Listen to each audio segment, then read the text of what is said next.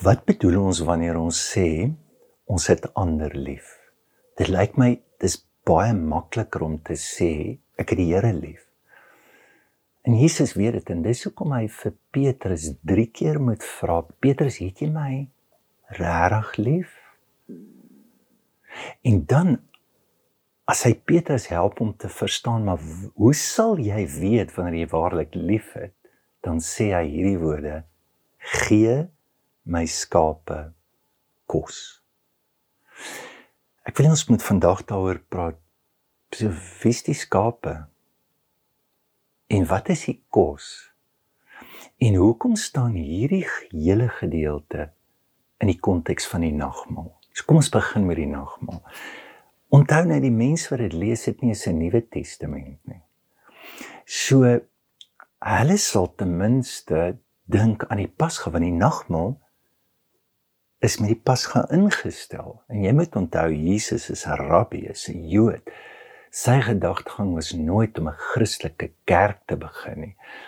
Hy het bloot nuwe lewe gebring in Jode se verstaan van God. So dit is jy kan sê dis baie dis Ou Testamenties. So te loop soos as ehm um, as die Bybel sê en die hele skrif deur God ingegee in Timoteus, dan moet jy onthou hy praat van die Ou Testament. Daar was nog nie 'n Nuwe Testament. So dis die konteks. So wat s'hulle verstaan van die Pasga? Dis die verlossing uit Egipte. Wat het hulle daar gedoen? Hulle moet God herdenk as iemand wat regtig omgee. En dat God kom so naby aan jou, hy gee tot vir jou kos. En hierdie verlossing gaan ons vier met kos.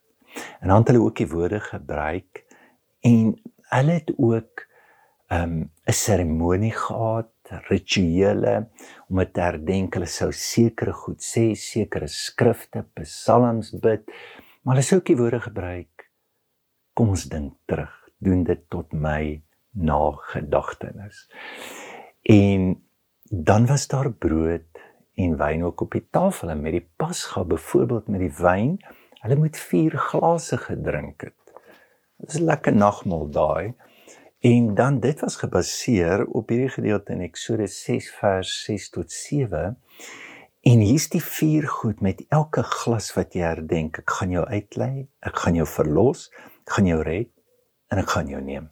En almal moes dit drink. Ryk, arm, almal was ingesluit.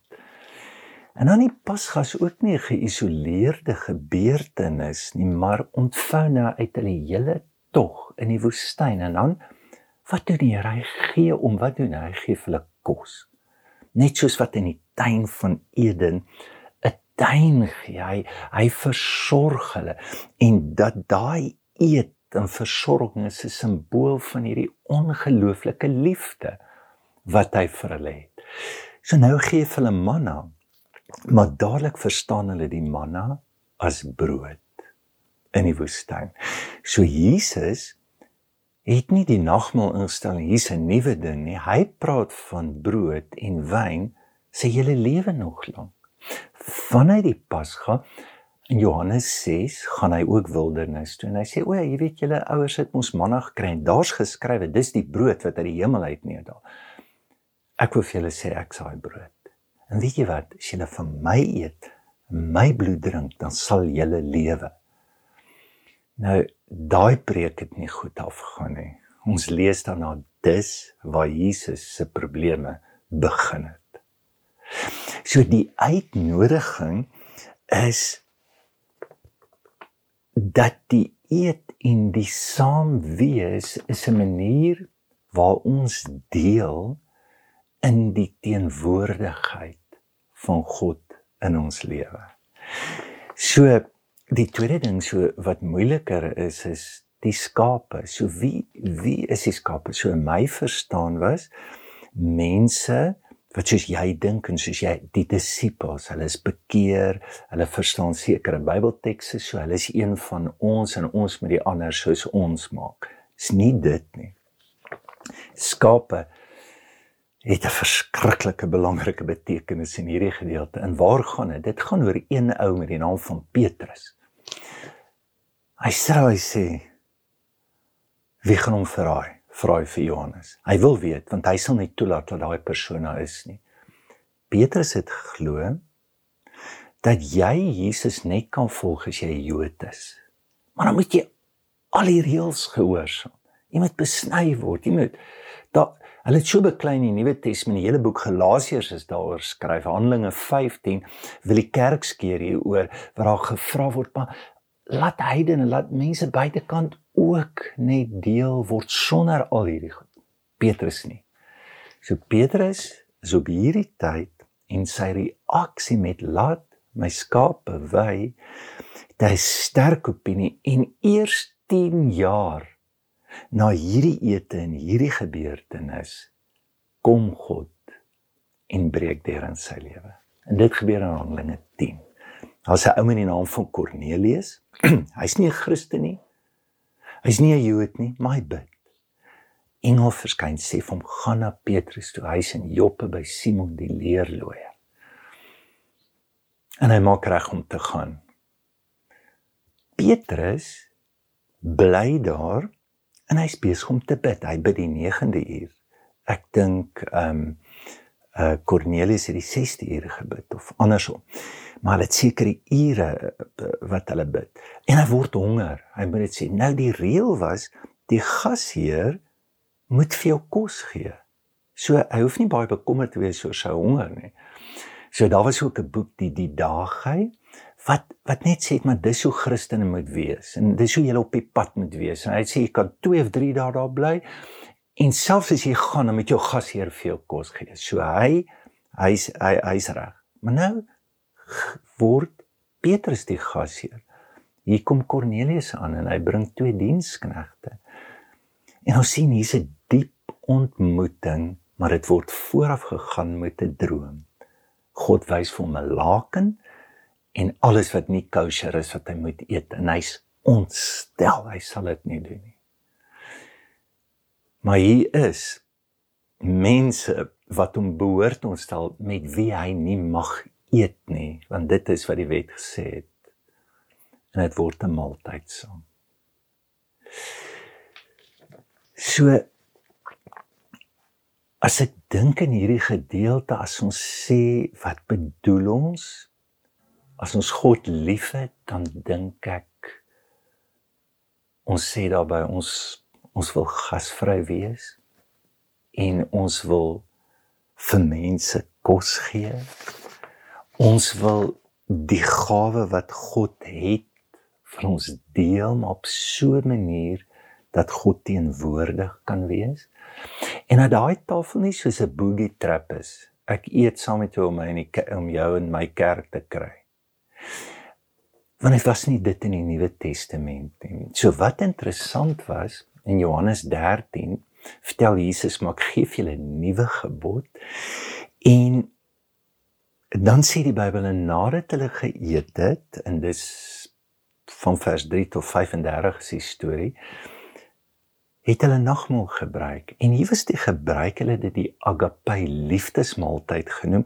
Hulle het altyd geëet en dit wat op die tafel was het hulle nagmaal mee bedien dat hulle kon nie hulle eie liefde vir kos en vir lekker eet en vir dit wat ons geniet skei van hulle liefde van God wat graag wil hê dat almal om hierdie tafel moet wees. As jy Lukas lees, dan hy doen sommer so groot eksegese oor Jesus se eetgewoontes. Hy word 'n vraat genoem, 'n wynsuiper genoem. Hy eet met verkeerde mense en dan vertel Jesus hierdie skokkende stories. Hoorie, as jy 'n maaltyd hou, gaan nooit die krepeles, die lammes was almal mense wat verbied was deur die wet om in die tempel in te gaan. Dat sy hele betoog is. Kyk hoe lyk Christus se nagmaaltafel. En nou weet ons nagmaal is bedien aan mense buite die kerk in die Nuwe Testament was 'n gebruik sodat hulle dit geglo het. Paulus doen dit met 'n skip wat sink en mense wat besig is wat wat hysteries in vrees lewe wat dink hulle gaan doodgaan, kalmeer hulle bedien die nagmaal. Ouens nooi enig iemand in Lukas 24. Hulle weet nie wie hy nie. Kom sit saam met hom eet en toe hulle daar eet toe gaan hulle oë oop. Toe sien hulle wat? Dis Christus. En ek het geen twyfel toe Israel uit Egipte kom en God bring die pleidooi en dit is in in in ehm um, uh Exodus wat hy sê onthou in Deuteronomium onthou net julle was vreemdelinge daar wil julle nie nou dink aan die vreemdelinge nie staan in die konteks van mense wat nie soos ons is nie gaan dit lyk as Judas ook in jou tafel sit Hoe gaan dit lyk as jou maaltye nagmaal word? En as jou nagmaal ook dieselfde waarde en krag het as maaltye. Ek het geen twyfel dat Judas se teenwoordigheid aan daai tafel en die onvoorwaardelike liefde is presies dit wat veroorsaak dat hy terug gaan tempel toe die 30 sikkelsalwers neergooi en in die diepste berou want dis wat liefde aan jou doen. Ons hoop van harte jy het hierdie podcast geniet of raadsaam gevind. Besoek gerus en via.ok.za vir meer inligting.